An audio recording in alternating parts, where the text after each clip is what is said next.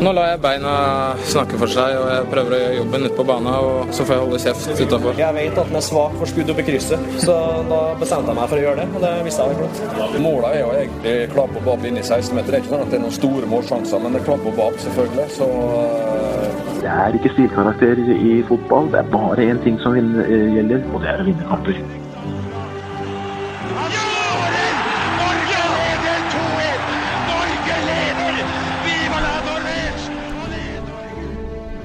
Og der er vi tilbake. Jørgen Kjernås, velkommen. Takk for det. takk for det Deilig å ha deg tilbake i stolen. Jo, deilig å være her òg. Eh, har du gjort noe spennende i det siste?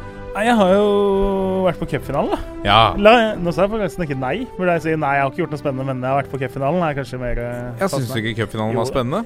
Spennende er kanskje ikke riktig ordet, men det, Men som event! Cupfinalen er jo cupfinalen. Ja. Det Spør Arne Skeie. Det blir jo liksom Det blir jo aldri he, altså det blir jo aldri Dory, men det, det ble jo en kamp sånn som vi frykta at det kunne bli. At det var klar klasseforskjell og lite spenning om hvem som skulle vinne pokalen. Det blei det. det, ble det. Enig i det. Men jeg satt nå jeg Hadde jo fått billetter via den kjekke programlederen ved siden av meg. Han hadde jo sørga for å Ja, sette meg et hakk bortafor eh, Kongsvinger-legenden Caleb Francis også. Så Oi, det- Francis var der! Ja, ja. Så det Det er sterkt, altså. han var, det var en slagen mann som uh, ikke så samfulle to ganger 45, men uh, Han ja, gikk, han gikk. han uh, gikk et par minutter før fulltid. Det kan du jo skjønne når du sitter med Kongsvinger-skjerf. Men det, det var ikke så mange med Kongsvinger-skjerf som stakk, egentlig. Jeg syns det var imponerende at Ja, uh, nesten ble- alle i svingen sto igjen. Et eventyr. Første lag fra Hedmarken i cupfinale. Og der er du, Håvard. Velkommen. Ja. Ser deg på kampen til søndagen, ta med deg naboen og kom.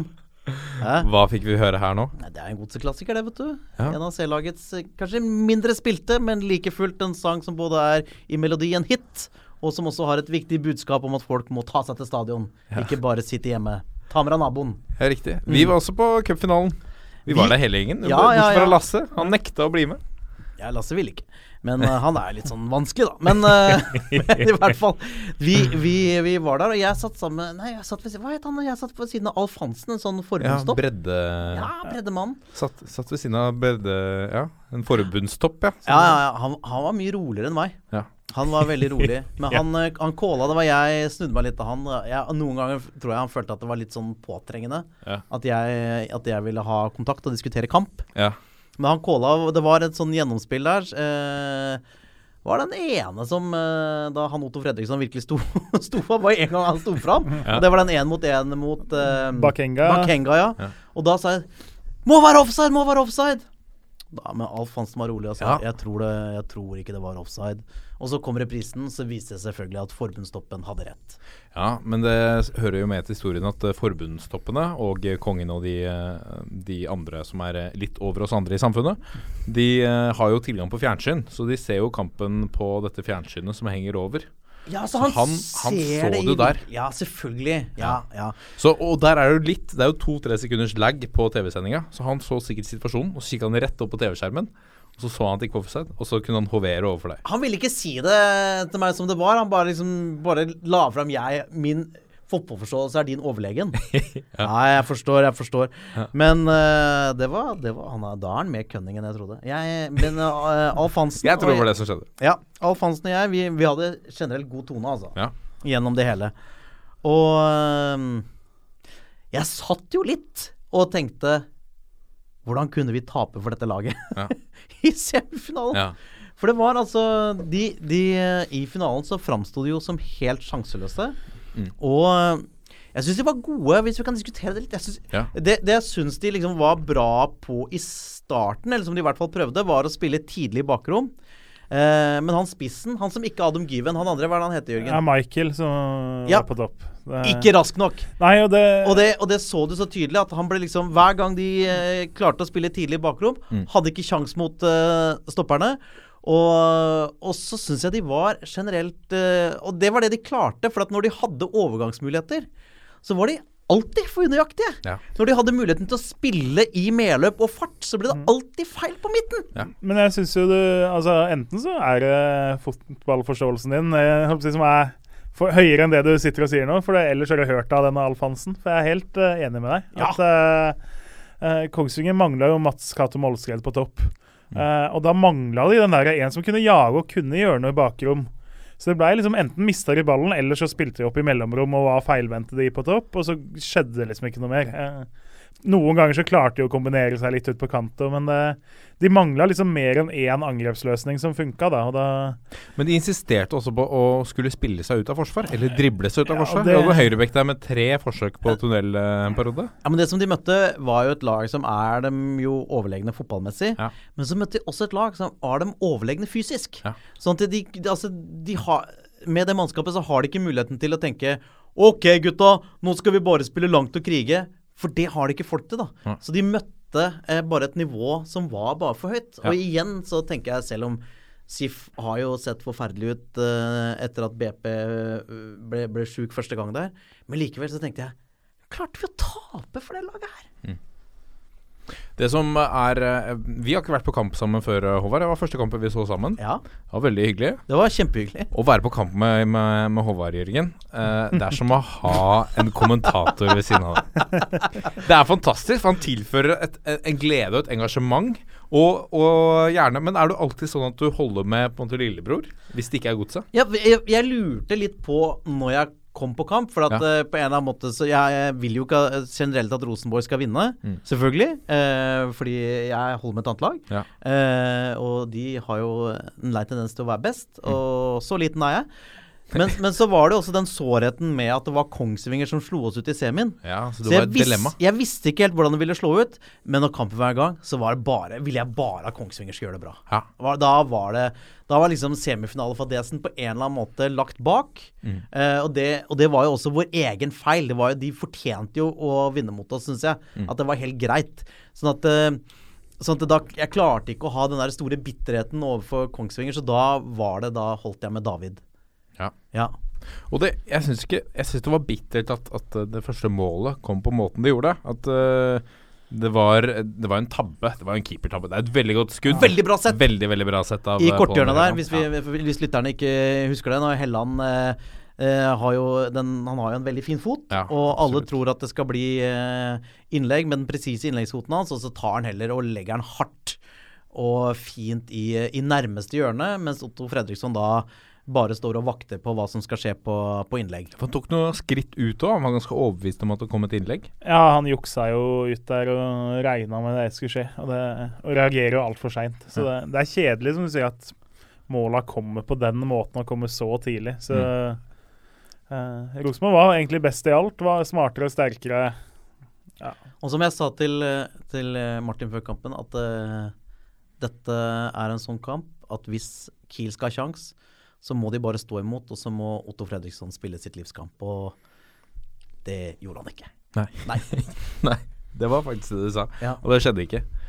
Men eh, gratulerer til Rosenborg med, med the double Ja, for vel, andre året på rad. vel fortjent. Vel fortjent. Men eh, de har ikke årets, årets trener.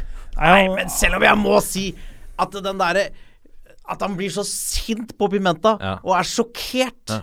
Da, jeg, jeg, jeg var opprørt. Fordi jeg tenkte at det må ha skjedd noe grusomt der. Vi, vi satt jo bak Ja, og så på det var noe kjefting. Ja, og tenkte nå har det skjedd noe veldig Det han sier er Fuck off, I gave you the ball and gå og pump jern på engelsk. Go pump some iron, eller noe sånt noe. Så Ja. selvfølgelig Det er jo eh, Jonas Svensson, det treffer, det ja, treffer han, Jonas han, Svensson. han er jo Han, Han er ganske bøff, ja. en, en bred, bred gutt. Ja. Ehm, men, men at, det, at det, det skal avstedkomme den type reaksjoner Jeg har generelt sett veldig lav forståelse for sjølhøytidelige fotballfolk. Ja. Og litt det samme som liksom andre veien, når eh, når eh, Rosenborg-spillerne står på banketten Det var i fjor, det. Mm. Og hater Molde by og, og raller om Molde og sånn. Ja. Og hvorpå da Molde fotballklubb inntar en slags sånn offerrolle. Da var det de som var Og jeg tenker, du, det må du bare ta på kinnet. Ja. Det er bare litt drittslenging. Ja, ja, ja. Det, det er jo sånn det skal være. ja. Ja, det er jeg helt enig i. Jeg synes jo at, at han svarer på sidelinja, liksom, det er jo helt greit. Det er At fair. Kåre liksom Hei, ikke snakk sånn til spillerne mine. Ja. det er jo selv, Men du går, ikke stokk i og sutrer over det i pausa av en cupfinale Han leder 1-0. Han veit han kommer til å vinne, mest sannsynlig. Jeg skjønner ikke liksom uh, mindgamet i Nei. det heller, på en måte. Hadde det vært noe sånn eh, mellom to kamper, at det her var før neste kamp, eller et eller annet sånt, sånn som Jerv og Mjøndalen Mm. prøvde å psyke hverandre litt uh, ned her. Så, Ja. Ja. så det virker bare som sutring og litt sånn der barnslig uh, Ikke klare å komme seg over en enkel kommentar. Det, Man må huske at Når du er best, så er det også et ansvar. Da må du være litt raus. Og så må du tåle at de som er under deg, de, de skraper litt opp etter ryggen din, og det er ikke alltid på bare den ikke, behagelige måten. var det ikke Kåre Ingebrigtsen som selv uh, reagerte på at Molde tok dette ille opp? Den forrige gikk ikke han ut i pressen? men det er jo litt sånn at uh, altså, fotballtrenere er gode på å møte, hverandre, Ja. eller møte seg selv i svingdøra der, på en måte, sånn som mange av oss andre sikkert er òg. De, de mener noe at er forferdelig hvis det går mot dem, og så gjør man noe lignende sjæl, og da er det helt greit. Så Men kan, kan vi ikke be om litt tilbakemeldinger her, da? I, fra, Jo, det må vi fra gjøre. lytterne våre. Er vi, er vi helt ute? Er, dette, er det utafor folkeskikken? Er det, er det ikke sånn vi skal ha det? Eller er det som vi sier, greit? jeg, jeg, jeg tror at eh, Og hva mener, hva mener Rosenborg-folk sjøl? Trønderne? Ja, vi vil høre. Ja. Vi vil høre fra dem. Jeg tenker jo, Og så er det jo litt sånn OK, det er glemt nå og Ja. snart, og det er glemt om en uke, og det er glemt om en måned, og det er glemt i 2020. Men liksom de første timene etter matchen, og de har vunnet cupfinalen Det som jo er de store overskriftene, er jo ikke at Rosenborg vant eller Hellands hat trick. Det er jo Kåre sutra og krangla og gikk til angrep på Pimenta, og her er det han sa, og det var Men det er, liksom det, det er jo det som er det tabloide, tabloide ved dette. Ja, er Rosenborg vinner en cupfinale. Det er ikke noe spennende nyheter i det hele tatt. Kan de få en, eller annen- en eller annen krangel og gosseseier? Ja, ja, og sånn, men sånn funker det. Det bør jo Ingebrigtsen skjønne, egentlig. Ja. Så Det er klart gi Rosenborg og hva som står på toppen av vg.no. Altså om det er Helland eller om det er en krangel, det bryr dem jo ikke all verden når de har vunnet cupen. Men det bør liksom være bry dem nok til at det føles litt unødvendig og litt tåpelig, det òg, da. Men Pål André Helland Pål? Pål. Jeg får jeg frøsmål. Pål Ja. André Helland. Du, for, eh, for en prestasjon. Ja, han var jo Vi var litt i tvil om han skulle spille også. Ja, han har det derre Nå har han jo vært litt sånn hanglete i år og, og ikke fått den uh, sesongen, men når han er på, på toppnivå, så er det høy, høy nasjonal klasse, Han, altså. ha, han har et uh, frisparkbein når det klaffer i europeisk klasse. Ja, virkelig. Ja. Det, jeg jeg synes det var artig. Det, var, det er sikkert flere som hører på som har sett denne saken med at tid, tidligere så var han en tjukk Fifa- Fifa-spiller. FIFA jeg så jo han meldte sjæl at han hadde vært topp ti i, I- i verden i, Norge? Fifa. I Nei, han meldte det han var sitert på, var Norges beste og topp ti i verden i Fifa. Det, Ja, Det, er en mild overdrivelse, tror jeg. Men det at han Jeg sikkert liker sjøltilliten. At han sikkert, sånn som enkelte andre kanskje, har brukt uh, altfor mye tid på animerte spillere på en skjerm. Det, Jeg så et bilde av han da han spilte Var det i Ranheim. Det han, han var ganske mye rundere i kjakan. jeg var jo Ja. Jeg var jo jeg håper jeg frekventerte jo Lerkendal mye da han spilte på junior og på reservelaget der. Ja. Han, da var han jo Altså, han hadde jo samme X-faktoren med Han var type til å ha et ekstremt bein da òg, Mm. men uh, da vasa han jo rundt egentlig i midtsirkelen og håper gjorde sitt derfra. Ja. Og, Uh, ja. Imponerende. Han, altså, han dro jo til Hødd, og der ble en mann. Og ja.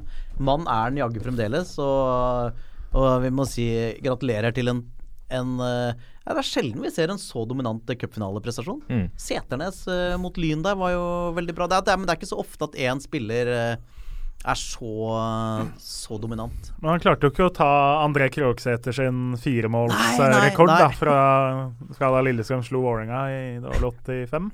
Nei. Så det, Ja, det er klart. det Jeg drev og tenkte litt på Jeg det. Det blir, blir tungt for Helland å ta med seg ja, ja, men preseason. altså, Den vi ser. ja, nå, så nå beklager Pål André. Nå er det bare Du var god, men det tok ikke Nei, men Han ble jo bytta ut uh, lite kvarter før slutt. Så det, eh, tenkte jo Hvis han hadde vært veldig opptatt av rekorder og sånn, så hadde det kanskje vært småbittert uh, å se nummeret sitt på skiltet da, men uh, jeg tror ikke det ødelegger veldig mye i den, i det hellandske hjem. Nei, det går nok greit.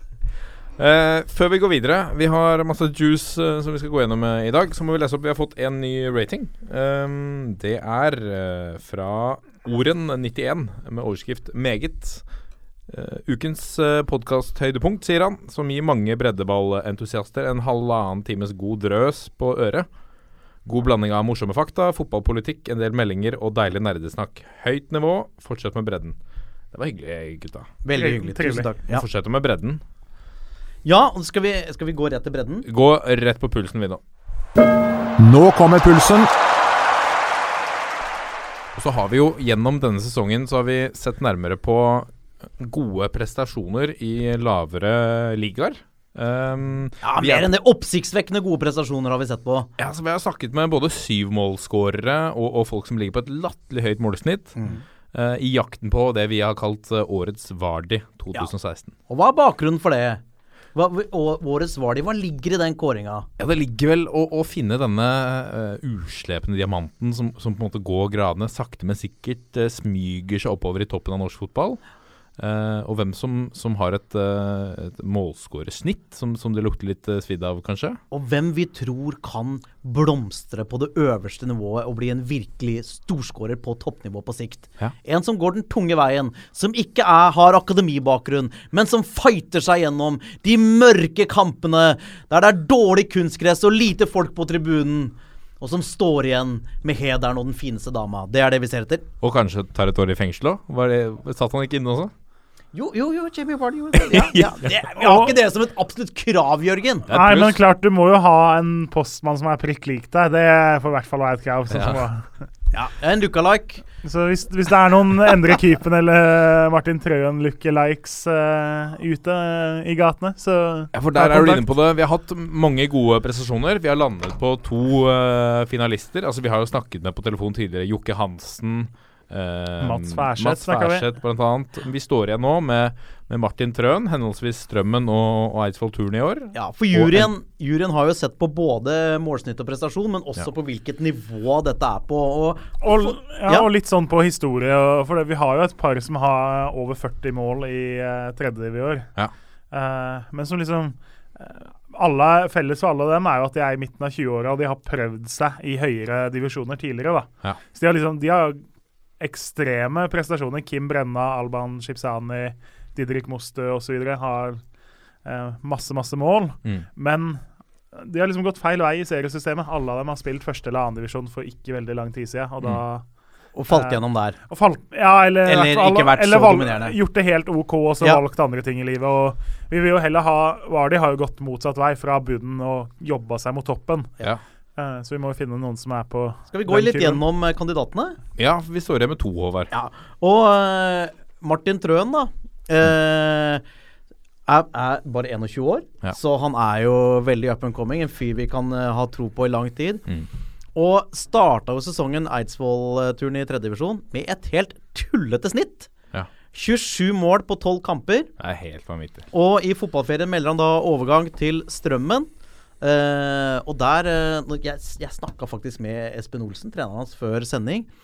Og, og han sier jo da at eh, med en gang han kom, så så de at han, det, han lukter mål som ingen andre de har sett. Mm. Og får først noen innhopp og putter. Og så får han starte.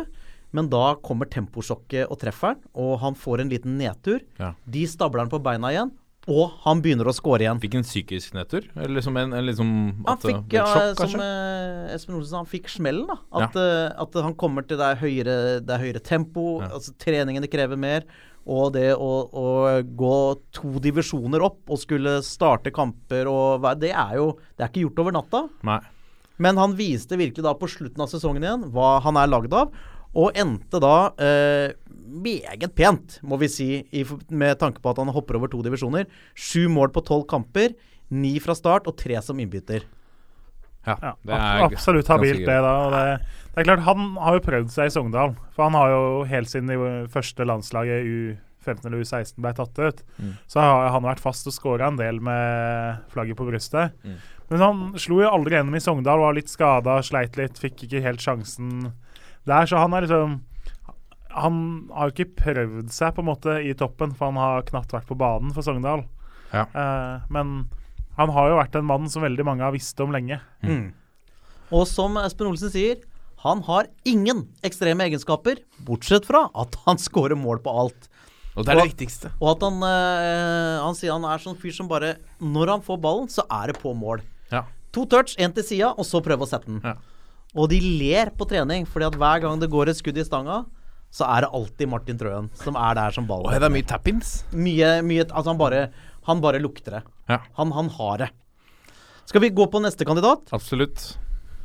Vil du si litt om han Uh... Ja, Godeste Endre Kupen har Ja. jo Han har jo tatt det steget opp nå og får sjansen i Obos-ligaen uh, neste år, han òg, da.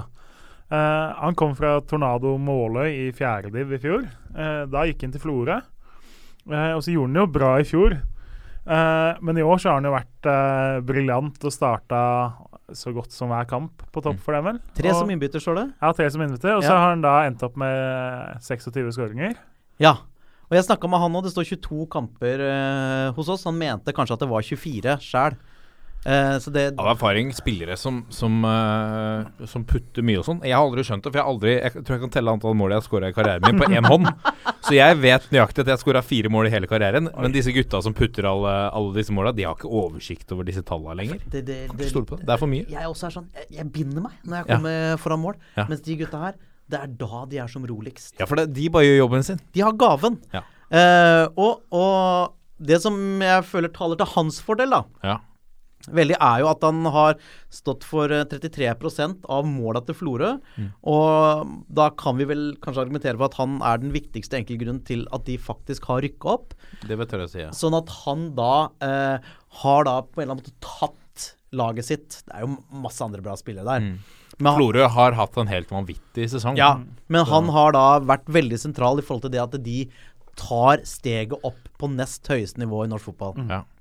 Ja, jeg er enig i det. For Eidsvoll-turen har jo ikke hatt så mye å spille for heller, hvis du tenker på da Trøen var der. Da hadde de jo klart seg med topp fire eller topp fem. Ja. Eh, og de var fullstendig overlegne både med Trøen og uten Trøen på høstsesongen òg, fordi eh, resten av laget også var såpass mye bedre enn de 13 andre lagene i en ganske svak avdeling. Så Trøen ekstremt med 27 mål på 12 kamper, men Ekstremt. Eh, for Eidsvoll-turen i den avdelinga mot noen av de laga han møtte, så eh, Det er ikke sånn at Vi hadde ikke gått inn og gjort det samme, men eh, eh, turen var såpass dundrende overlegen i den avdelinga uansett. Men så er det også og En annen ting som taler for Martin Trøen, da, er jo alderen. At han er 21, Mm. og at man kan da i enda større grad se for seg at han kan være en fyr som eh, på sikt kan ta det øverste nivået i Norge. Og, og så har jo han også da på en måte tatt første steg. Og allerede skåra sju mål på tolv kamper etter en overgang i, eh, i fotballferien. Mm. Og det er meget stor tro på han etter en preseason. Ja, man får hele, man får hele vinteren med med laget sitt, og får liksom satt Obos-nivået litt. Ja, for han. Espen Olsen sa altså at det var tydelig at de måtte liksom bruke litt tid på å gjøre han ordentlig klar for nivået. Ja. Og når han har skåra sju mål på tolv kamper da uten å ha det inne, Mm. og så tenke seg hva han kan få til med preseason Jeg Jeg må si jeg Det er to, det er to gode kandidater. Uh, men jeg, jeg Jeg heller mot yngstemann, jeg, altså. Martin Trøen, hva tenker du, eh, Jørgen? Jeg syns også det er vanskelig. Jeg syns det er to fryktelig gode kandidater. Men uh, jeg er litt enig på den der at han har faktisk tatt steget opp. Han har bevist på to nivåer i år, da. Uh, Kupen så langt, han har jo vært ekstremt god i andredivisjon òg. Men så må vi tross alt se på Obos også. Det, Så tror jeg han har liksom begge de elementene vært ekstreme i lavere divisjoner og vist at han kan ta nivået på neste øverste nivå. Ja. Han er kanskje også den spilleren vi har mest tro på kan gjøre seg gjeldende på øverste nasjonale nivå på sikt. Ja, av de to så har han jo fem år vel eh, til sin fordel òg, Ja, ja, fem år, ja. Unnskyld. Ja. Ja. Ja, eh, jeg er veldig Altså, når vi ser på tredjedivisjon Vi har vært inne på det. Der er det har vært veldig lite å spille for. Mm. Altså det, er- det er overlevelse, da, for topp fire er det vel. Mm. Eh, med tanke Eller topp fem, som det i realiteten nesten er. For det Ja. Eh, med tanke på, på Eidsvoll-turen så, så 27 mål på, på 12 kamper, det er, det, det er hissig. Det er fantastiske tall. Men det er et helt annet nivå, uh, syns jeg. Ja, altså det er klart Eh, De har møtt lag liksom, eh, sånn som Alvdal i år, som har en haug med tap med fem mål eller mer. Jeg tror de har Av 26 kamper så har de tapt i hvert fall 15 av dem med fem mål eller mer. da Ja. Eh, Så liksom å slå dem med mye og skåre hat trick mot dem, det er liksom ikke Altså, Det er en prestasjon ganske mange har fått til i år, da og som enda flere kunne fått til hvis de prøvde på. Ja. Hvis Trøen ikke hadde tatt turen til Strømmen, og har prestert såpass bra som han har gjort der, Ja. så ville jeg sagt Endre Kupen. Ja. Mm. Eh, men det jeg føler er den X-faktoren, det samt alderen, som, uh, som Ja. Så din stemme går i favør Min av, eh, stemme er Martin Trøens stemme. Jørgen Kjernås. Ja, jeg lener mot uh, Trøen, jeg òg. Da har ikke du noe å si, du. For at da hvis du, Har dobbeltstemme som programleder? Nei, jeg, jeg tror ikke det. For eh, hvis jeg eventuelt har det, så, det så har Lasse Vangstein også, som ikke er her i dag. Uh, hei til deg, Lasse. Vi veit du hører på. Vi er glad i deg. Vi er glad i deg. På mange mulige måter. Um, jeg vet at stemmen hans går til Martin Trøen. Det er han meldt før dagens sending. Min stemme går til Endre Kuppen, uh, så hvorvidt jeg har dobbeltstemme eller ikke, så spiller det ikke noen rolle. Nei. Det er ganske dårlig regissert av oss. da Vi burde jo latt det gå liksom, at du fikk stemme Dramaturgisk før riktig. Ja, ikke hadde siste stemmen, Det liksom. er min Det- feil, for jeg tar så sånn sterkt eierskap til det Vardy-greiene at jeg begynner å drive sendinga istedenfor Det er Håvards eh, feil. Beklager til alle Ja. dere der hjemme. Eh, men uh, da er det altså klart, da. Eh, Hvordan, hvordan er det vi setter opp de telefonsamtalene igjen, sånn at det ikke blir rot og rør? Ja, det, det, skal vi, det skal vi gjøre. Det skal vi gjøre. Men det er, vi skal også nå ringe Martin Trøen, som, er, Ja, som ja. vi har kåret til, til årets Vardi. Og han skal få en Årets Vardi-kopp. En kopp, en toppfotballkopp. Ja. Som jo da er sånn cirka det samme som du får når du blir kåra til årets et eller annet av på de offisielle kåringene i år. Ja, jeg vil si at denne hen, henger enda høyere. Hvis vi kan Ja, skyte inn den digresjonen. Det var et par av de her pokalene som gikk til sånn Årets talent. Eh, Sander Berg, f.eks., kåra til Årets talent. Så ut som han hadde fått et eggeglass liksom i premie. Det, Ja, eventuelt et shotteglass, men det, det det var ikke liksom noe sånn som du har lyst til å stille ut på peisen din. Men det er lurt, det, for at vi vil jo ikke at Sander Berge skal bli mett. Han holder Så derfor får han et veldig lite Ja, glass. han må holde sulten! Må holde sulten. Et lite eggeglass. Han har fått store eggeglass. eh, Når han leder landslaget til mesterskap, Så Da kan vi være glad for at han kun fikk et ja, lite da, og da skal han få et slott. Men vi må ta og, kan ikke vi ta og ringe Vi må ringe med Trøen da og overbringe gladnyheten. Kan, kan jeg bare ringe med mobilen og holde høyttaleren inntil? Ja, kan prøve. Okay, vi prøver det. Dette er toppfotball.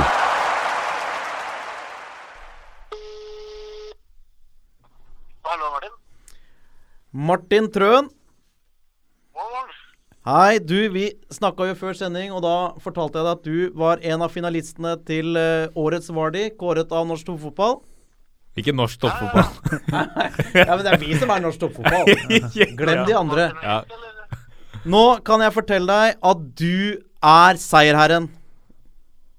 Dæven. Gratulerer. Det er kult. En liten applaus. Ja, applaus. Vi klapper i studio. Ja. Nå går livet bare hjem her. Ja, du nå eh, og, og vi håper jo at du bruker denne kåringen som en inspirasjon. Ja, det, er det, Var de i fjerde eller fjerde divisjon til Premier League? Nei, altså det er jo, det er jo fenomenet Jamie Vardy som gikk, eh, som gikk den tunge veien fra nedover divisjonene og endte på toppen.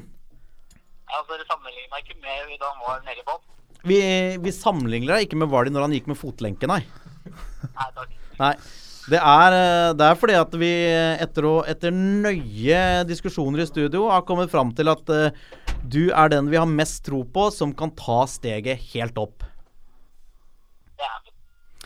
Så det Fortell litt om eh, For at vi har jo vi har gått gjennom i studio her først det helt tullete snittet fra tredjedivisjon. 27 mål på 12 kamper. Eh, og så 7 mål på 12 kamper eh, i, i Obos eh, for Strømmen. Hvordan eh, har sesongen din vært, vil du si? Um, nei, altså i år har vært veldig Det har vært et veldig spesielt år. da, For jeg gikk, jeg gikk inn i året som, eh, som venstrekant, egentlig.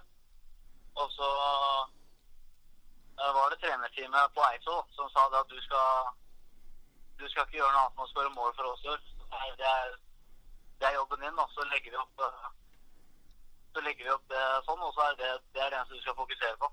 Så har det egentlig ja, balla på seg, og så er det jo vært ekstremt uh, Jeg har vært ekstremt heldig, da. Altså, det er jo Det er jo marginer, det greiene her. Og jeg har jo havna jo tilfeldigvis i en gjeng uh, på et lag på Eidsvoll der som bare fora meg med, med baller. Jeg tror aldri noen har brent så mye sjanser på dagen, hvert fall, som jeg har gjort i år.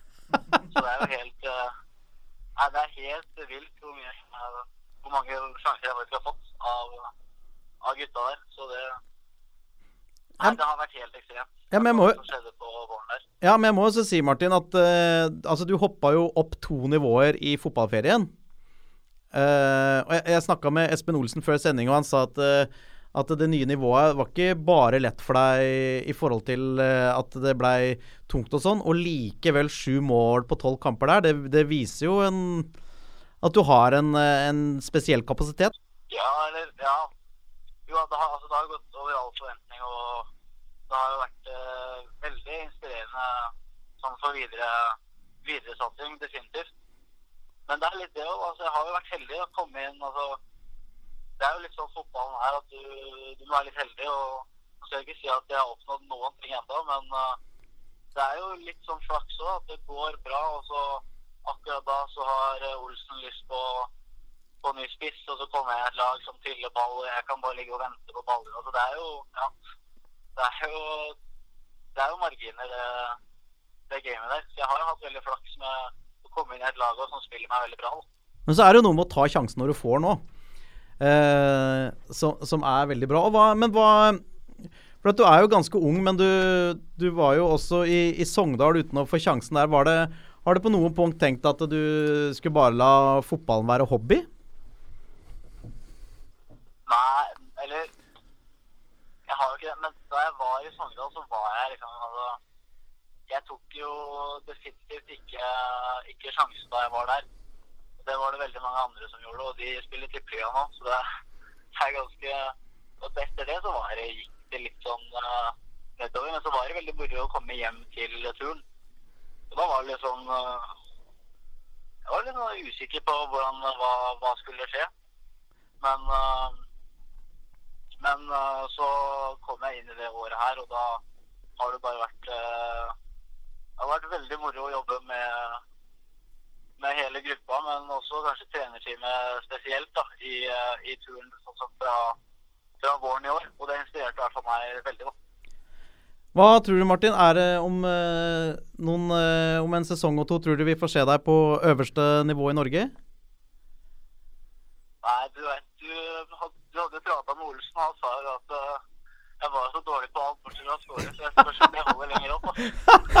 Han sa ingen ekstreme egenskaper, bortsett fra at han scorer på alt. Og, men han sa også, kan jeg røpe nå, siden vi er på lufta, om, eh, for jeg stilte han direkte samme spørsmålet, om han trodde du kom til å ende på øverste nivå i Norge. Og da sa han det kan han definitivt med sånn målteft. Ja, det er hyggelig. Men uh, ja, nei, vi får se. Det er en veldig, veldig, veldig stor jobb uh, før den tid uansett. Så det Men uh, det er ikke så morsommere enn det. Det er det ikke. Men du, eh, Martin, det vi gjør da, det er at vi gratulerer så mye fra studio. Vi sender deg en eh, toppfotballkopp eh, med, med navn og årets var på, som du kan kose deg med når det blir litt tungt i, i preseason eh, før du skal eh, før du skal skåre mål for, eh, for Strømmen igjen i, i Obos-ligaen. Ja, det er kult. Det er egentlig, den skal, det skal nytes god kaffe av den.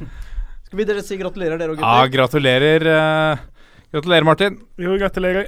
Sterkt. For. Da kommer det en kopp din vei, og så får du kose deg med denne her. Er, har du eksamen i dag? Hva sa du da. Har du eksamen i dag? Nei, jeg har eksamen om to dager. Om to dager? Av dere, så kan det, det kan det bare gå én vei. Det er rett ned. Da er det bare å sette seg på lesesalen, for å si det sånn. Ja. Nå må du ta med deg denne her energien inn i lesesalen og levere på eksamen. Og så skal vi følge deg tett i, i Obos eh, neste år, Martin.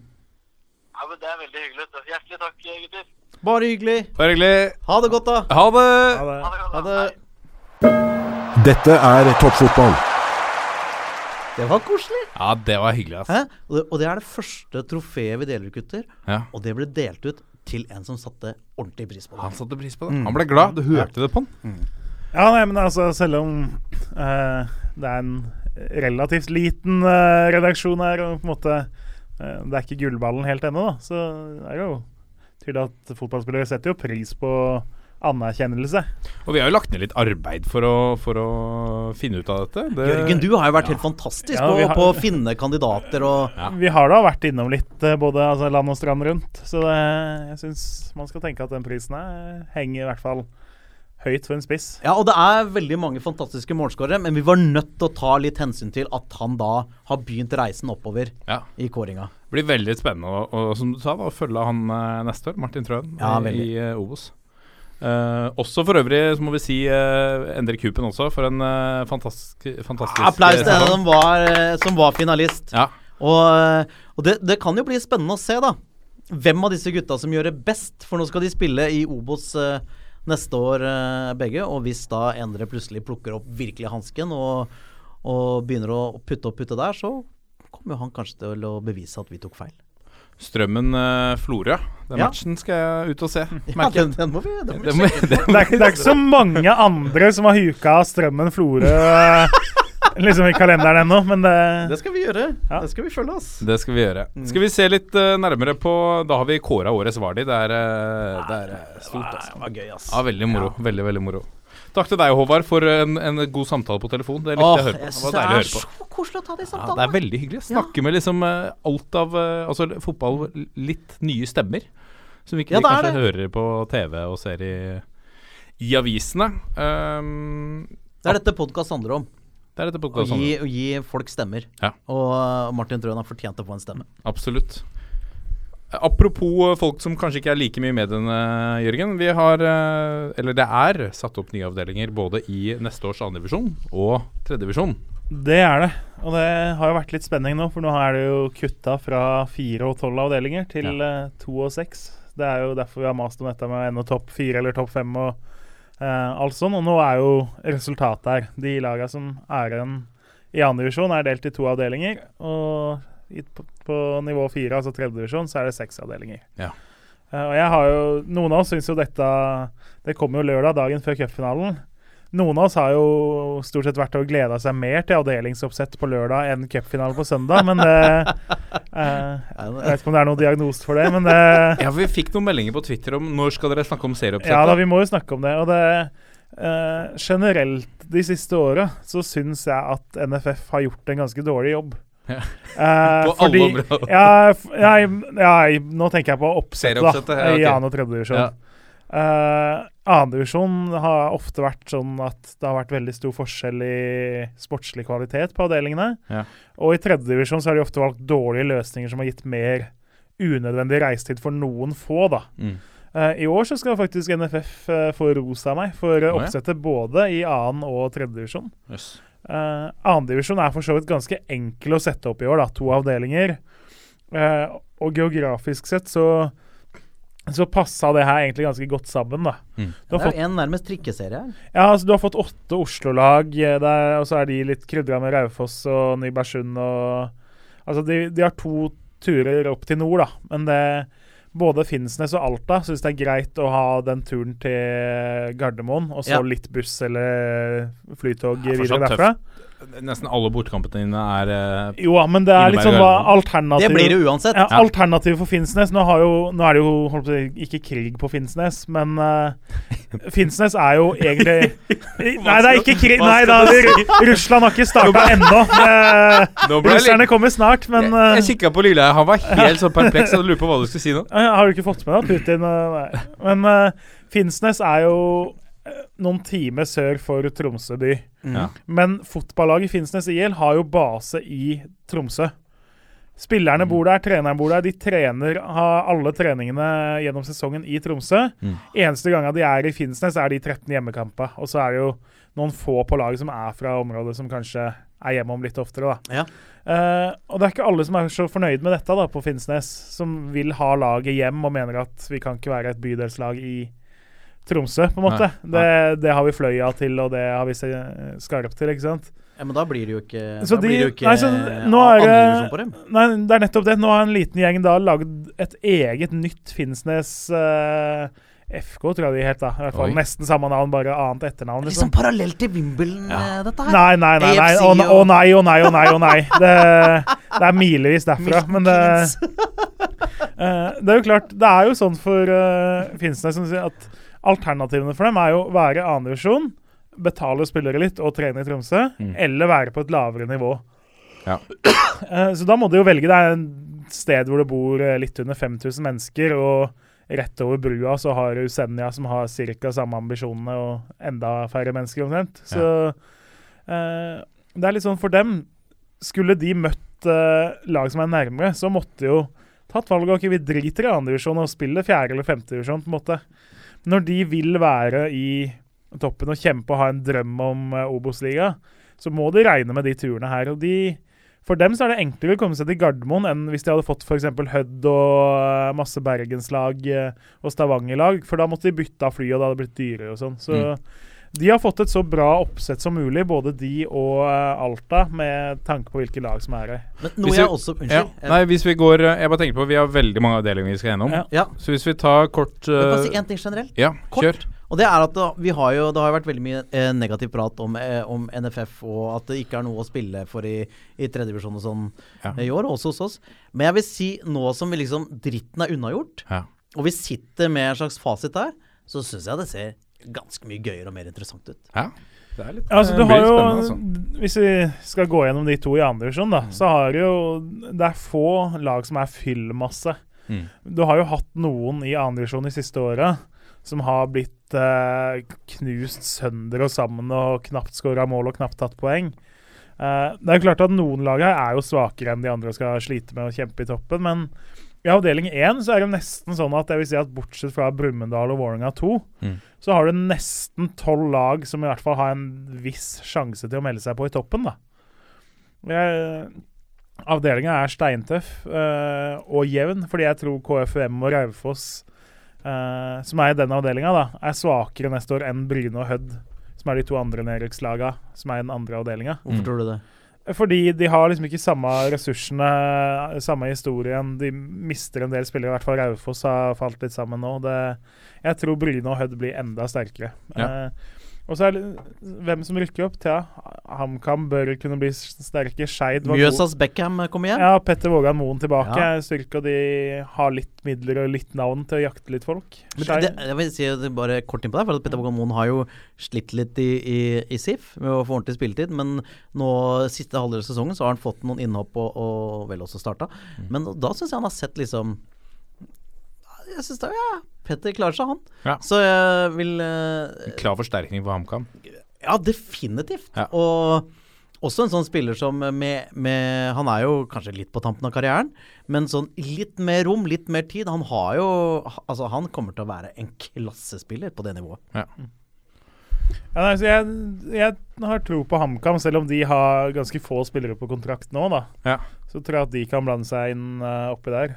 Bærum en liten uh, kandidat, de òg. Det, det blir spennende å se. Det er i mange lag som har muligheter der.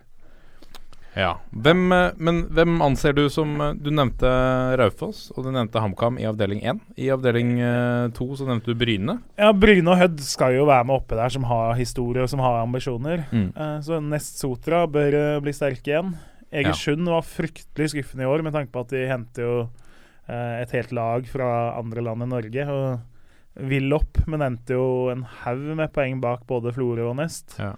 Eh, og nå har trener Maurice Ross uh, slutta der, så de må ha ny trener. og har nok senka litt den der De skal satse litt mer på folk med rødt pass istedenfor uh, å se til Baltikum. Uh, det kan jo være lurt, kanskje. Ja. Uh, men bør jo bli sterke, de òg. Samme Notodden nå har jo eh, såpass med økonomiske midler på det nivået her til at eh, de også skal være med i toppen. Eh, det har det vært spådd de siste åra, og så har de egentlig underprestert litt, syns jeg. For det, de har aldri kommet liksom helt opp i den intense opprykkskampen de siste åra. Eh, Tror du, tror du østlandslagene eh, her eh, Jeg ser Hønefoss fram og, og ja, Notodden over. Men, eh, og Odd 2. Tror du de er sure for at de ikke er i avdelingen? Ja, altså Det er jo litt gjennomgangsmelodien for en del lag, spesielt i tredje divisjon, at de er nok litt misfornøyd. For Hønefoss hadde det vært enklere å møte Oslo-lagene. Men jeg tror nok i hvert fall ganske mange har forståelse for at du må tenke helheten. Det hadde gjort det verre for mange andre. For da skulle du bytta da, si, dytta Hønefoss og Fram Larvik inn dit, da. Og så dytta Alta og Finnsnes i den andre. Så hadde Mm. det blitt en mye mer kronglete avdeling eh, den andre da, med Alta Finnsnes der. Og veldig mange. Så jeg har et spørsmål eh, til deg, Jørgen. Du som eh, anser deg for av oss tre den som er aller sterkest eh, fotballfaglig. Eh, det at uh, Vålerenga Odd som eneste lag har klart å, å få lag eh, på det nivået her, hva, hva, hva tror du det har å å, å si for dem Altså, hvor stor fordel er det å kunne bli matcha Ja, nei, det har jeg tenkt litt på. Det er, nå syns jeg at tredje er såpass habilt nivå sånn som det blir neste år, da. At Mm. uh, jeg tror ikke det har all verden å si. Men uh, det betyr jo at Vålerenga 2 og Odd 2, spesielt i de kampene hvor de stiller ganske tilnærma junior, kommer til å være lag som blir angrepet, og som er underdogs i kampene sine. da. Uh, for noen av dem så kan kanskje det være litt nyttig læring, det òg. Fordi ofte så spiller Altså, fra de er unge, de gutta som spiller på de laga, er jo vant til å vinne, vant til å knuse motstandere, ikke sant, og skåre mye mål. Så det å si, trene litt på å spille mot bedre motstand, det Jeg tror, tror det er positivt for de to laga å være der. Tror du de må slite for å holde seg? Ja, jeg tror begge to eh, kommer til å slite veldig ned i bunnen eh, nå. Mm. Det, det er såpass sterkt nivå. I hvert fall Vålerenga 2 sin har såpass få naturlige bunnlag eh, at eh, de skal få slite. Jeg tror også Odd er nedi der. Ja, for at dette, dette er uh, nærmer oss et ganske decent nivå, som du sier. Uh, og, og stabler Eh, på plass uh, ja. nesten et Obos-lag uh, du eh, ved siden av eliteserielaget. Ja, begynner å se på hvor mange av de lagene her som har vært i Obos eller til og med Tippeligaen de siste fem-seks åra, så kommer det opp i et ganske solid antall. da. Ja. Eh, Hvis vi går videre på uh, tredjedivisjon, der har vi nå i år eh, seks, eller neste år, seks avdelinger. Ja, all, aller først så må jeg Altså, jeg syns, som jeg sa i stad, at NFF har gjort eh, en god jobb med å stokke kabalen Ja. med de lagene som er her i 2017. Men på generell basis så syns jeg jo Jeg er litt usikker liksom på hvor mye det kommer til å gagne norsk eh, fotball. Altså Nå får vi oppgjør som treff, som er fra Molde, mot Junkeren fra Bodø. Mm. Det er på nivå fire altså, i norsk fotball. Det er en kjøretur på 15 timer eh, eller noe rundt der. Mm. Eventuelt to flyturer hver vei. Uh, og Nå kan jo folk si at ja, sånn har det vært i Finnmark lenge. Jo da, men det er litt andre forutsetninger der oppe, på en måte. Men jeg må si jeg, uh, samme bare- ikke Skjervøy-Skjetten. Det er liksom, er det en kamp som uh, utvikler norsk fotball og gjør landslaget vårt bedre? Ja, men sånne oppgjør vil du alltid få, Jørgen. Jeg, jeg er litt positiv til den spissinga. Ja, jo da, men det, det liksom Det heter regionligaen, og du har turer som går uh, på 250 mil én vei. Og, ja, det er litt Eh, ironisk. det, det fryktelig svære regioner. Men samtidig så er jeg helt enig i liksom, prinsippet med at man vil spisse. og Tredjedivisjon har vært en dårlig liga for de lagene med ambisjoner, og spesielt annetlagene med litt lovende 17-18-åringer. da. Mm. Fordi det har vært såpass mye kokoslag der at uh, det, har, det har liksom ikke vært noe ordentlig motstand i mer enn et par av kampene. Mm. Apropos Eidsvoll-turen i år, ikke sant. Mm. De, de har høvla overalt. Men det jeg også tenker, da, er at uh, det har jo vært uh, et problem som mange har, har påpekt, dette her med at uh, at andre lagene ofte er veldig sånn taktiske i forhold til eh, hvilken type mannskap de, de stiller. Mm. Og hvis vi nå kan anta, da, som du sier, at antageligvis vil Odd 2 og Vålerenga 2 måtte fighte for å beholde plassen, så kan vi jo tenke at det blir mindre av den type ting at det kommer eh, plutselig et kjempesvakt eh, Eller ikke kjempesvakt, men et presumptivt svakere mannskap enn det beste de kunne stilt eh, til enkeltkamper. Og så kan vi jo kanskje tenke at det er en del av andrelagene her som vil drømme om eh, et opprykk, sånn at man kan få mindre av den, de taktiske uttakene som jo mange av de, de klubbene som har førstelaga sine på dette nivået, har, har klaga på. Og så er det jo sånn, det vil jo alltid være litt at terminlista kan avgjøre litt poeng for deg. Jeg ser jo ikke for meg at Molde kommer til å sende spesielt mange A-lagsspillere opp og møte Junkeren eller Mosjøen. Eh, men hvis, og hvis du i tillegg er heldig å møte dem borte da, i ferien til A-laget, kanskje du møter to reine juniorlag, Ja. mens møter du A-laget på høsten når de må ha poeng, eller tidlig på våren når de har mange som skal luftes på banen, så kan du møte et profflag, egentlig. Ser du for deg noen spennende spillobjekter? Ja, sånn vil det jo alltid være på de nivåene her. Og det, det som er fint sånn oddsmessig, er at det er en del oppgjør som er ganske langt unna noe som er spilt før. Mm. Eh, det er fem lag fra Akershus mot ni lag fra Nord-Norge, f.eks., som eh, kan være vanskelig for oddsetter å, eh, Å vite å vite styrkeforholdene mellom Ja. i starten. Det er, liksom, det er litt uh, gøy å, å gå gjennom disse avdelingene også. For man, man ser en del navn her, både en del eh, kjente navn. Vi har navn som Lyn eh, og, og uh, Lillehammer, uh, Moss Men så er det nye bekjentskaper som for, for min del i hvert fall Som jeg bare forbinder med militærleir, som Madla f.eks. Ja. Skal jo Skal jo måle krefter i avdeling 3 mot bl.a. Bryne 2 og Ekspress, ja. som også er en ny eh, hva, hva, Ekspress, kjenner du til Fra, laget? fra Fevik utafor Grimstad, vel? Ja, ok. Ja. Er det en forholdsvis ny Nå- klubb, eller? Nei, jeg tror ikke det, men det er, de er ganske nye på det nivået her. Ja, men ja. eh, eh, nyter jo litt godt av at uh, Aust-Agder plutselig har blitt et fotballfylke. Ja. Hvor ikke sant, spillere som før ville gått til Jerv eller Arendal og spilt annen eller tredje div nå, faller litt gjennom når de skal spille i førstedivisjon, og da eh, må jo de finne seg et nytt sted å spille. Så Ja. de nyter nok litt godt av, godt av naboenes uh, suksess. Ja, jeg er spent på Lyn her òg, med ja, nye ja. trenere. Hvis vi skal ta en titt på alle avdelinger, har vi tid til det, syns vi? Jeg syns vi må Effektivt. effektivt ja. Trenger ikke gå gjennom alt av lag, men avdeling én har jo litt sånn uh, Både Moss og Kvikk Halden, som bør være dødsskuffa over at de ikke berga plassen i år i den tøffeste avdelinga. Mm. Eh, Moss er litt sånn nå kan miste en del spillere. Kvikk ser ut som de beholder mer av stammen. Det er jo to lag som skal kjempe om opprykk eh, i den avdelinga. Selv om Martins kjære Ørn Horten Mm. er i samme avdeling. Og så har de fått med Ullern ned, Godset 2.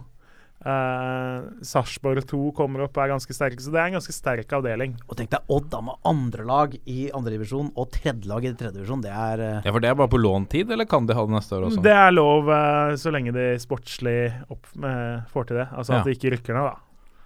Så det Er det bakgrunnen for at uh, Fagermo har så mye gode unggutter å velge i? eh, Sånn gikk ut i pressen her om dagen. Ja, det er i hvert fall altså, Odd 3 og Godset 3 har jo spilt i tredjedivisjon nå. Ja. Uh, Rosenborg 3 gjorde vel for noen år siden, hvis jeg ikke husker helt feil. Eh, og det er klart det er god matching for de 16-17-åringa som er førsteårs junior uh, i klubba. da, Å få Ja. spille tredjevisjon og møte voksne mannfolk. Uh, det er ikke glamorøst å I hvert fall nå. Ja, ikke sant, hvert fall nå. ikke sant, Eh, Odd 3 de kommer til å få en del kommer til å være noen stygge resultater der òg, men eh, det er noe god læring i det òg, da. Mm. Og så er det Det er fire lag som, som rykker ned. Ja, det er jo det, er det ganske hissig. dummeste med hele omlegginga. For Ja. det forslaget var egentlig 18 avdelinger på neste nivå. Mm. Og så ble det gjort om til 24 på fotballtinget, hvor ting gikk altfor fort fram. Ja. Uh, og det betyr jo da at med 24 avdelinger på neste nivå, så må fire lag ned Ja. fra hver avdeling her, og det er for mye. Så det er noe som bør bli endra, og som jeg håper allerede tinget nå tar opp. Men om det skjer, det gjenstår jo å se. Men de kan ikke endre det nå? Nei, ikke for neste sesong, selv om uh, ting ble endra kjapt Ja, det det eh, forrige gang. Men den endringa må nå skje fra 2018, i så fall tidligst. Skal vi kjøre på Så- til avdeling to? Avdeling to. Ja, Da er det jo Lyn man merker seg på navn. Og Mm. Både de og Eidsvoll-turen var jo suverene i uh, sine tredjedivisjonsavdelinger i år. Så får den litt sånn Gjøvik-lyd, mister omtrent hele laget etter nedrykk fra andredivisjon. Frigg kommer ned. Uh, Stabæk 2 kommer ned. Så det er en ganske jevn avdeling som mangler, mangler liksom de toppene som avdeling 1 hadde, syns jeg. da. Så jeg tror Lyn og Eidsvoll-turen er de laga som eh, bør ha størst ambisjoner per nå om å kjempe om opprykk. Mm. Kanskje Stabæk 2 kan være god nok.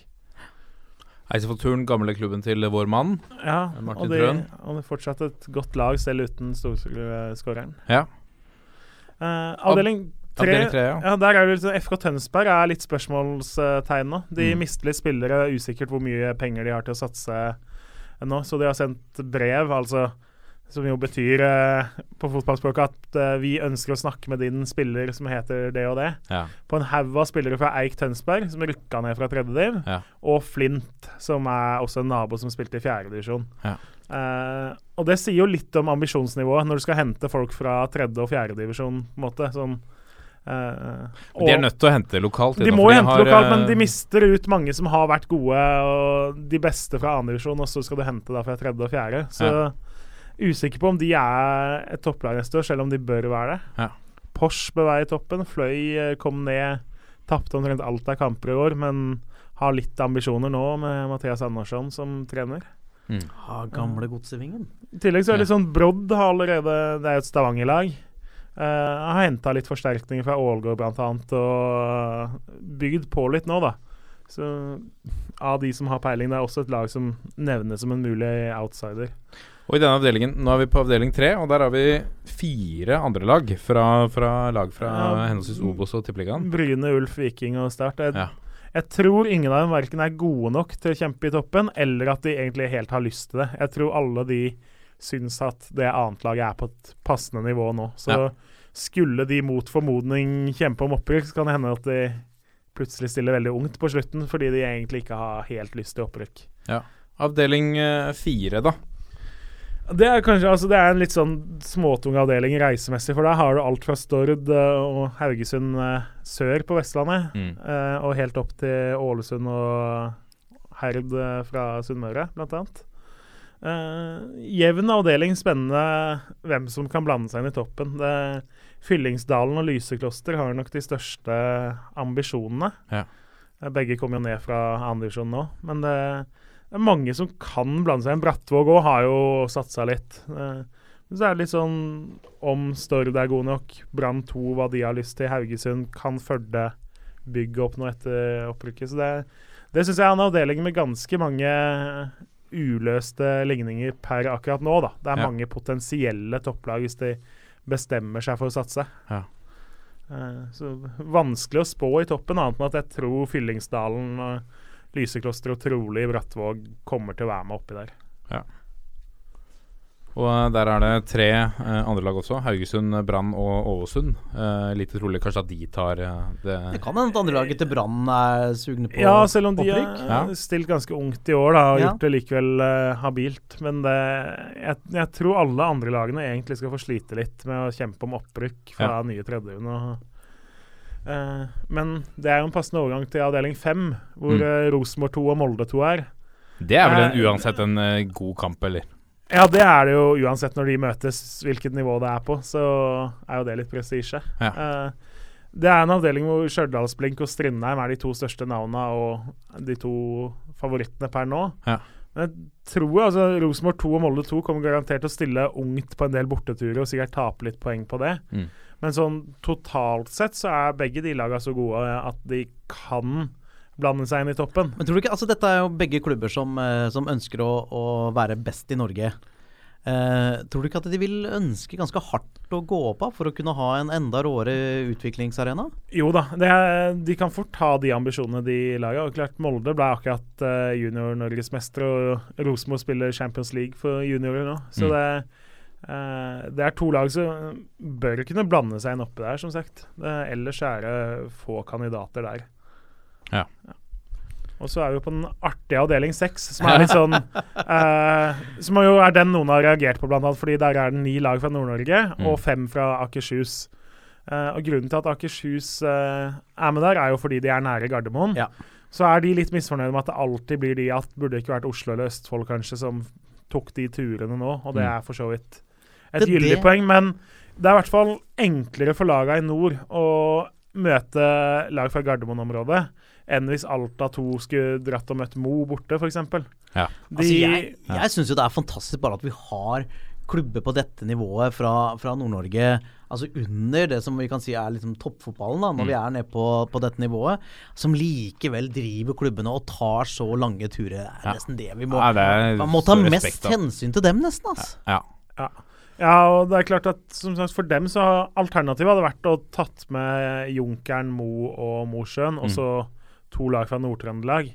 Det hadde blitt mye verre for de ni lagene fra For det er jo så enorme avstander der oppe. Det er det. og det, så du, du kan liksom ikke tenke at Alta 2 og Mo eller Mosjøen hører sammen i avdelinga, for det er rolige 100 mil mellom byene. Det er typisk byene. sånn uh, sørlending Ikke sørlending, Ja, men oss i Sør- og Øst-Norge som tenker at det det er ja, jo søringene som tenker sånn. Ja, ja. Det, nei, altså, jeg tror i hvert fall lagene fra nord er fornøyd med å ha fått Gardermoen-reiser, da. Ja.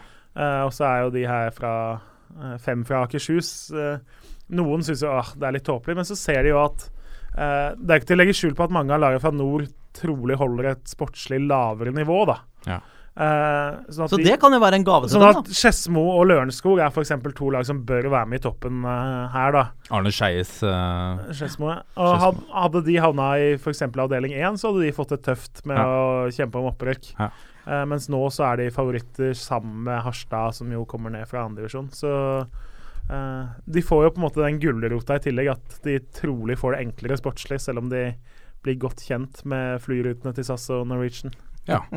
Og videre òg, potensielt. Det blir veldig spennende å, å, øh, følge med neste år. Eh, jeg føler Nå, nå, er vi, nå er det litt mer sånn Vi har litt mer oversikt, i og med at tredjedivisjon også har blitt litt mer, landsdekkende.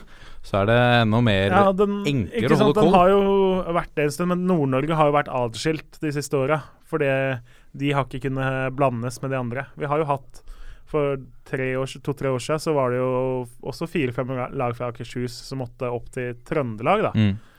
Eh, men nå er liksom Nord-Norge, da er det tatt Ja, men det er jo, det er jo nesten samme turen. Du må på et fly uansett. Ja, du må jo Da møtte vi f.eks. Åfjord, som jo er ikke supersentralt, for å Nei. si det diplomatisk. Det, det, så det er ikke så mye enklere å møte Åfjord enn det er å møte Alta 2, på en måte. Nei. Det blir veldig spennende. Eh, og, og som sagt litt sånn nye bekjentskaper av, av lag og navn og, og i, i eh, Ja, det var, det var, gamle kjenninger. det var, det var få interne oppgjør mellom Skjervøy og Skjetten eller mellom Ja. Salangen og Skedsmo de siste åra. De Det er er, ikke gjengangere på hverandres eh, stadionanlegg. Skal vi gå eh, litt videre? Vi kommer til å snakke mer om dette, og vi kommer til å spå hvordan disse avdelingene sikkert kommer til å ende opp. Uh, skal vi gå et, uh, ta et dypdykk inn i ryktebørsen veldig kjapt, Håvard? Ja, og da er det jo Det er jo først Jeg sitter med et ark fra deg her. eh, som, som, som er fint som støtte. Nei, men det har jo Adam Gyven, da, som har hatt en meget god sesong. Han er ska skada nå, så Ja. han får ikke med seg kamp mot Jerv.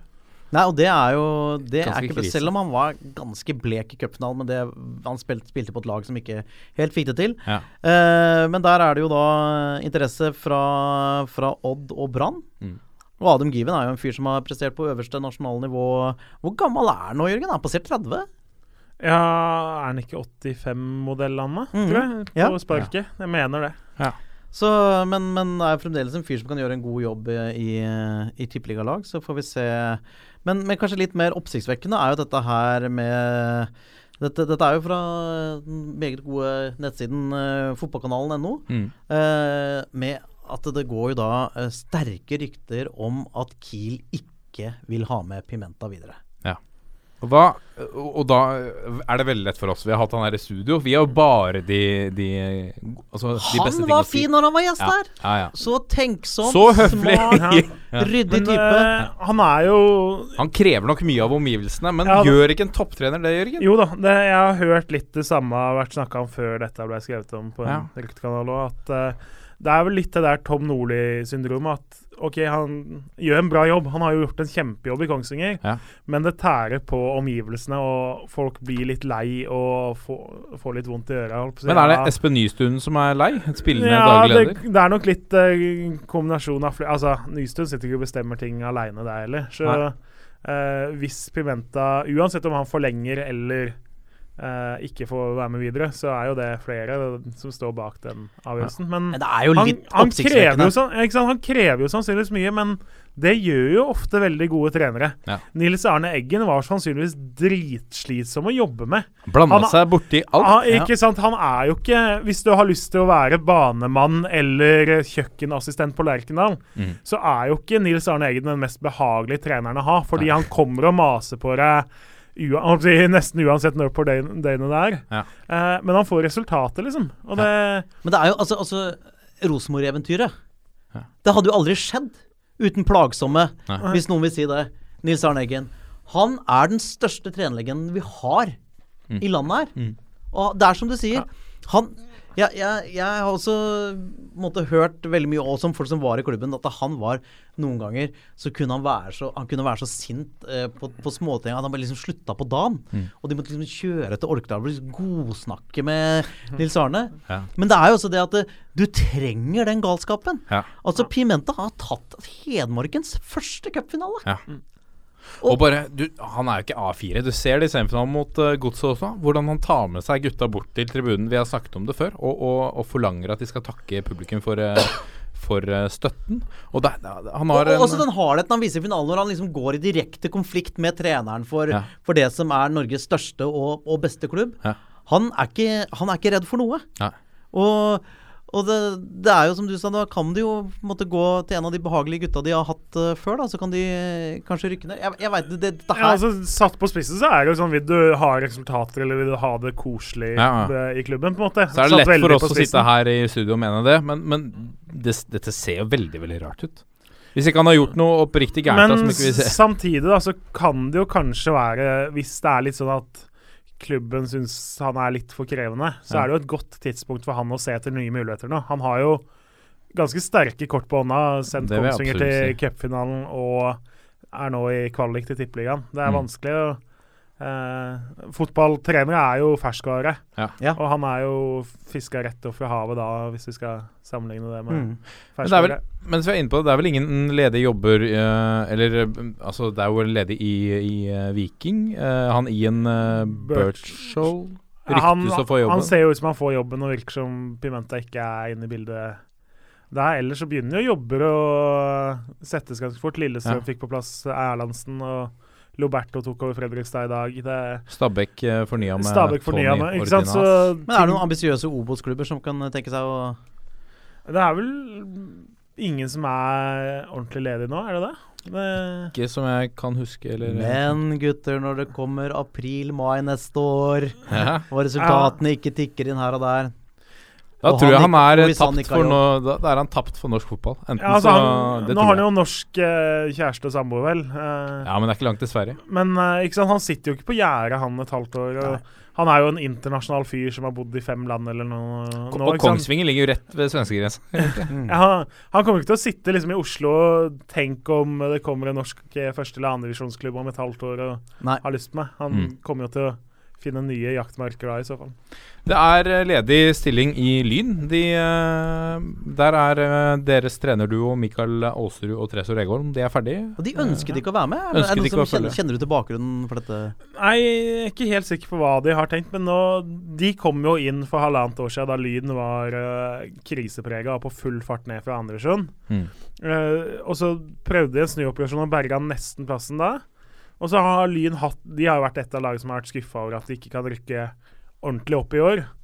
Så de har liksom hatt litt mellomsesong der og jeg vet ikke, følte at liksom nok er nok nå, på en eller annen måte, da. Ja, Men nå er det jo alt å spille for. Uh, men det blir jo spennende å se. Klart Lyn er en favoritt nå i tredjedivisjon. Mm. Uh, hva de får inn. De, de har jo et navn som kommer til å lokke ganske mange, fordi man vet at potensial, potensialet til klubben er jo stort. Skal jeg ta, vi, vi har jo Lyn-podkasten som sitter og venter. Når skal du på konsert, Håvard? Skal vi få inn en liten stemme her? Har vi tid til det, eller skal vi bare gå videre? Ja, at jeg skal på konsert? Ja, ja. Nå skjønte jeg ikke hva du mente. ja du har litt dårlig tid, da. Det Litt dårlig tid, ja, men det har Ja. jeg alltid. Ja. Ja. Kan vi få inn en liten eh, lynkar for å, for å bare høre med en eh, hva som skjedde med de forrige trenerne? Er det, er det lynfolk her? Bare, Lyn- bare hvis han er liten, altså. Det, Her, lynfolk her? Kan ikke dere Kan, kan ikke vi få inn, eh, få inn en lynmann? Det her høres jo flott ut. Det høres ut som vi har en rekke liksom, eh, typer bare på gangen i tilfelle vi trenger det. det en, endelig så fikk vi liksom bruk for lynfyren som satt på gangen og venta Skal vi ta oss. Mikke, mikke det opp? Ta, ta og Gå der, du, så skal vi, skal vi få Vi skal få satt deg opp. Hold bare praten i gang så lenge, du. Ja, vi holder praten i gang, og vi har da fått Hva, hva var ditt fulle navn igjen? Eh, Alexander Skar Skofterød Ja. Alexander Skar Skofterød. Skofterød? Ikke, ikke som i Skofterud, langrennsløperen, men Skofterød. Det er en veldig vanlig feil Ja. folk eh, begår, men det er rød som i fargen rød, eller Ruben den røde fra Kaptein Sabeltann. Ikke sant? og Det her hørtes ut som han hadde måttet forklare flere ganger tidligere. Det, ja. Du, vi er, vi er, vi er innom eh, Lyn her. Ja. Uh, og, og at Mikael Aaserud og, og Tresor Egholm Ja. eh, gir seg. Ja. Hva er bakgrunnen for det? Um, det er litt eh, usikkert enn så lenge. Det vi frykter, er jo det at eh, de ikke er fornøyd med de rammene som blir gitt dem. Fordi at uh, Mikkis og Tressor, som de kalles, vil ikke eh, har sagt at de ikke vil være med videre hvis ikke de på en måte kan Uh, oppfylle den ambisjonen som uh, toppfotballstyret har til dem, som nemlig er opprykk. Lyn skal jo bare rykke opp, liksom. Um, så det jeg mistenker, det er det at budsjettet ikke er på de 4,5 millionene som det har vært snakk om. Uh, og når det ikke er det, så tenker Tressor og Mikkis uh, dette klarer vi ikke. Uh, vi kan ikke ta den jobben. Eller så kan det være det at ambisjonene på en måte ikke stemmer overens. At på en måte ambisjonene til toppfotballstyret er større enn hva Tresor og Mikkis har som sine ambisjoner. Så det er på en måte det ideelle scenarioet, da. Men dere som fans veit ikke? Nei, ikke ennå. Det er jo Nei. ganske nytt, eh, faktisk, da. Ja, ja, ja. Ja. Men, men eh, som, som Jørgen sa her, sånn, nå har de vært, vært gjennom en sånn sånn marerittsesong i forbindelse med omlegging av systemet der dere ikke har på en måte kunnet rykke opp. Riktig. Så, men nå er det plutselig sånn alt å spille for, så det er litt sånn Mm. rart at, uh, at det blir skifte nå. Ja. Og det var jo de som trakk seg. Ja. Uh, så Men altså Er dere som fans fornøyd med dem? Veldig, veldig. Altså, de tok jo over midt i en uh, forferdelig andredivisjonssesong hvor Lyn var liksom desidert dårligst. Trond Andersen gjorde en helt skandaløs dårlig jobb. Uh, Therese Romikis kom inn og snudde skuta da. Vi var på en måte Altså, ja, det er et uh, kjønnshår unna å klare det, da. Uh, på et punkt der. Det blei litt hardt mot slutten, hvor vi måtte putte 16 mot Holmen for å klare å holde plassen. Da blei det litt uh, for bratt, rett og slett. Takk for metaforen og svaret. Eh, skal vi se, det står at eh, Rune Skarsfjord og Bergdølmo er, eh, er aktuelle. Er det, vet du hvor reelt det er? Og, og hvem de snakker med? Og? Eh, jeg vet ikke hvem de snakker med. Jeg vet at uh, uh, av disse to kandidatene så er det en tredje som har blitt tilbudt jobben, og som takka nei i tolvte time. vet du hvem det er? Nei, dessverre. Nei, nei. Jeg har løpende kontakt med lyn, en av Lyns stoppere. Ja. Men ville ikke si hvem det var snakk om. Men Rune Gi oss noe, da! Gi oss noe! Ja, fordi Rune Skarsfjord er Ja. jo Um, Har jo jobba under eh, Rolf Magne Valstad i Brann og Hønefoss. Mm. Uh, men så spørs det om dette er nivået for han, da. Ja. Så at jeg håper på en uh, Hans Erik Eriksen personlig, altså. Ja, han liker jo trilleball. Ja, Ja. og det er jo det lynfotballen. Lyn ånd, ja. Ja, ja, ja. Mhm. Er det tidligere godsmann? Nei, Nei, Follo og så fikk han sparken i Hødden og Ja, halvveis. har stemmer alltid det. trent til Follo, vet du. Ja, det er I sant, alle år. Ja. Ja. Eh, og så med Bergdølmoa. Eh, Nå, Nei, må- kjære, kjære lyttere, uh, bare for å forklare hvorfor Alex Vi hadde han på bakrommet. Uh, Vestkanttribunalet. Må vi drive litt uh, reklame for Lyn-podkasten også, Alex? ja, det syns jeg. Ja, uh, Dere skal jo spille inn etter oss, og så er vi litt på overtid. Så dere Ja. sitter jo og venter på oss. Ja, vi er meget vrede baki her, altså. Ja, men nå får du jo skinne hos oss. Ja ja da, ja da, ja ja. Det er. Litt ekstra reklame også. Ja da, veldig Så fint. nå tok Alex i Vestkanttribunalet, så kjører de pils. Så det Ja, var ja. en liten slurk av pilsen som måtte til nå, Alex. Rett og slett. Hva var spørsmålet? Eh, André, André Bergdemo, gamle Ja. Dortmund, eh, LSK, RBK og Godsstjerna. Ajax. Altså, Ajax. ja, altså Han var i Dortmund òg? Han var det. Ja. Ja, Ja. Ajax, ja. ja. Takk. Eh, spilleprestasjoner eh, omsettes jo ikke nødvendigvis i trenerprestasjoner, da. det vet jo alle her. Eh, så han tok vel Kongsvinger ned, gjorde han ikke det? Eh, så og altså eh, Ole Bjørn Sundgodt, da, som er en lynhelt, tok jo over Lyn sitt juniorlag for et par år tilbake. Gjorde det vanvittig dårlig, altså. Det er jævlig synd å si det, fordi Ole Bjørn Sundgodt er jo en helt, liksom. Eh, så jeg er ikke umiddelbart veldig gira på André Bergdølmo, da. Nei. Eh, Men Hans Erik Eriksen, han vil jeg gjerne ha. Ja. Personlig, altså. ja. Hva, hva tror du om eh, li, den avdelingen dere er i neste år? Eh, det er jo kjempemange kule borteturer, da. Eh, vi, eh, vi liker jo å kjøre buss. Eh, Kjell, Kjell Tomter er Bastionens faste bussjåfør, og når han ikke krasjer og kjører feil, så blir det veldig fine turer. Har han krasja mens du har sittet på, eller? Ja, han bulka bussen mot uh, Lørenskog 2 forrige sesong, faktisk. ja. Ja, minor, minor incident. Ja, Ja. eh, men eh, så eh, oddsen er jo veldig bra. Mm. Eh, Norsk Tipping har satt Lyn på 1,75. Eh, Betson på Ja. to. Og så Ja, den Spilte ned nå, til og med. Nå er- det rundt 1,50 til og med. Så det, Ja, det er enda lavere, ja. Hvorfor det, mon tro? Det veit ikke jeg. Men eh, Og så er det vel Nordic Bet, tror jeg det heter, som også har satt det på to, da. Eh, så vi ja, Jeg er forsiktig optimist, da. Mm. Det er mange ting som må, plass, må på plass. Det er budsjettet, det er ny trener, det er hvor Lyn skal spille neste sesong, ikke minst. Ja, hva, hva, hvordan ligger det an, da? Eh, det er Idiotene i Lynmiljøet vil ha Kringsjå kunstgress. Jeg har alltid tenkt Oi. at Frogner stadion burde vært uh, der de spilte. Ja, men den burde det- vært bygget og gjort ordentlig. Ja. Derfor, er Dyrke det som et vestkantlag. det er for hardt uh, dekke der, for at det er skøytebane. Ja, men bytte dekke. Ja, Du vet du snakker til en Lyn-mann her! Tror du ikke jeg har råd til det? Nei. Men det er vel kommunalt uh, eid òg, er det ikke det? Frogner? Jo, jo. Så da er det kommunen som må ta ansvar for å bytte om. Ja. Altid, Også- alltid lurt å ikke eie egen stadion. Det mener jeg. Ja, ja. Pluss at på dette nivået så er det sånn at kiosksalget er jo en eh, betydelig inntekt. Ja. Men det har Frogner Event på Frogner stadion. Mens på Bislett stadion så går alle penga inn til Lyn, da. Men det er jo grisedyrt å spille på Bislett, er det ikke det? Nei, ikke så veldig. Altså Man må vekte det i forhold til hvor eh, mange som kommer, og hvor Ja. synlig Lyn er, ikke minst. Fordi altså annenhver uke så kommer det jo folk bort til oss eh, når vi sitter på Storestål. Litt merkelig at det er der vi sitter før match, men eh, Mm. Bastion har ikke rydda opp i hvilken pub vi skal ha om dagen, da. Er ikke det Men, så, ja, Det gjenstår mye opprydning i Ja, Bastionen. Ja, Bastionlyn og alt. Men eh, annenhver uke så kommer noen bort til oss, og så sier de Så fett at dere holder på ennå. Vi ønsker oss Lyn tilbake til Tippeligaen. Hvis Lyn er oppå Kringsjå der, det er ikke en kjeft som ser oss. Må spille i byen. Ja. Ja, det er akkurat det. Altså, nå er jo Kringsjå i byen sånn teknisk sett, men, Ja, men, men liksom vi, vi må være synlige. Ja. Og det er eh, på en måte Synlighet koster penger. Eh, og det syns jeg Lyn burde betale for ved å være på Bislett, da. Også Mm. neste sesong. Det viser jo litt ambisjoner òg, på en måte. Altså, Bislett er litt sånn historie og Mm. Det er jo litt kult og litt stort. Og spiller du på Kringsjø, da viser du liksom vi er et breddelag på ganske mange måter, da. Ja, det er liksom som å skyte seg sjøl i foten, eh, sånn Skeid-style, da. Ikke sant? Ja. Fordi det er jo det folk har snakka om i Lyn helt siden konkursen, at å, vi må ikke ta en Skeid, ikke sant. Men ved å flytte til Kringsjå, så tar Lyn en Skeid. Og hvordan er det da å komme tilbake til Bislett igjen?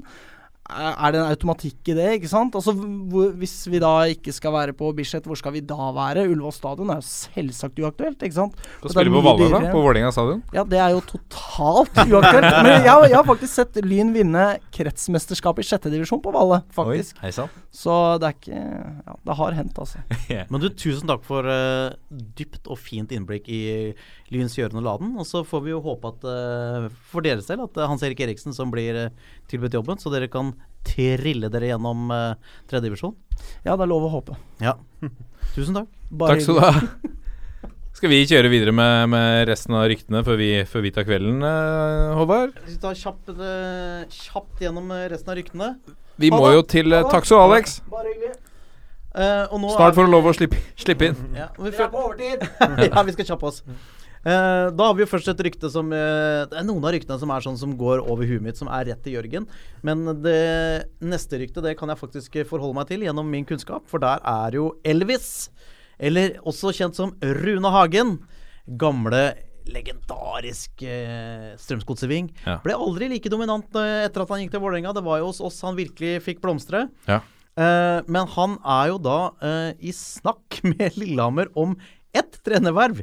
Hvilken rolle er ikke bestemt, men både klubb og trener er meget interessert i et samarbeid. Hva tenker du om dette, Kjernås?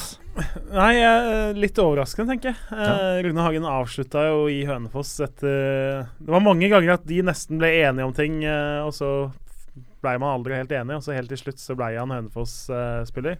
Går det ikke? Han har alltid litt slitt litt med å bli enig med Ja, folk. ja. har han ikke Jeg skulle til å si det. Han er litt kranglebåren Ja, noen ganger? Ja, både han og broren er vel litt sånn De er jo ikke kjent som uh, Altså, UD har vel aldri vurdert dem i noen sånn diplomatrolle, noen av gutta, på en måte. for et bilde. Uh, Men jeg må det er si klart, Rune jeg- jeg- Hagen, for en ving han var i Ja. SIF, altså. Ja. I klassisk 4-3-3, med den venstrefoten sin. Han var smart, han kunne lure bekken trill rundt og slå presist inn på Josteins hode. Så en, eh, altså en, det er en spisskompetanse der. Ja, og det er klart nå, Jeg tenker jo som sagt at de, de har jo litt historie med Jevnaker. Det var jo der de starta, både han og Erik Panser. Eh, Jevnaker er jo fullt uh, på vei ned nå. Sliter litt. Trenger også noe uh, folk til å lede klubben uh, framover. Så at ikke det kunne vært aktuelt isteden, da. Jeg tror hvis trenerjobben handler om uh, leken nærteknikk og innleggsfot, så er han perfekt.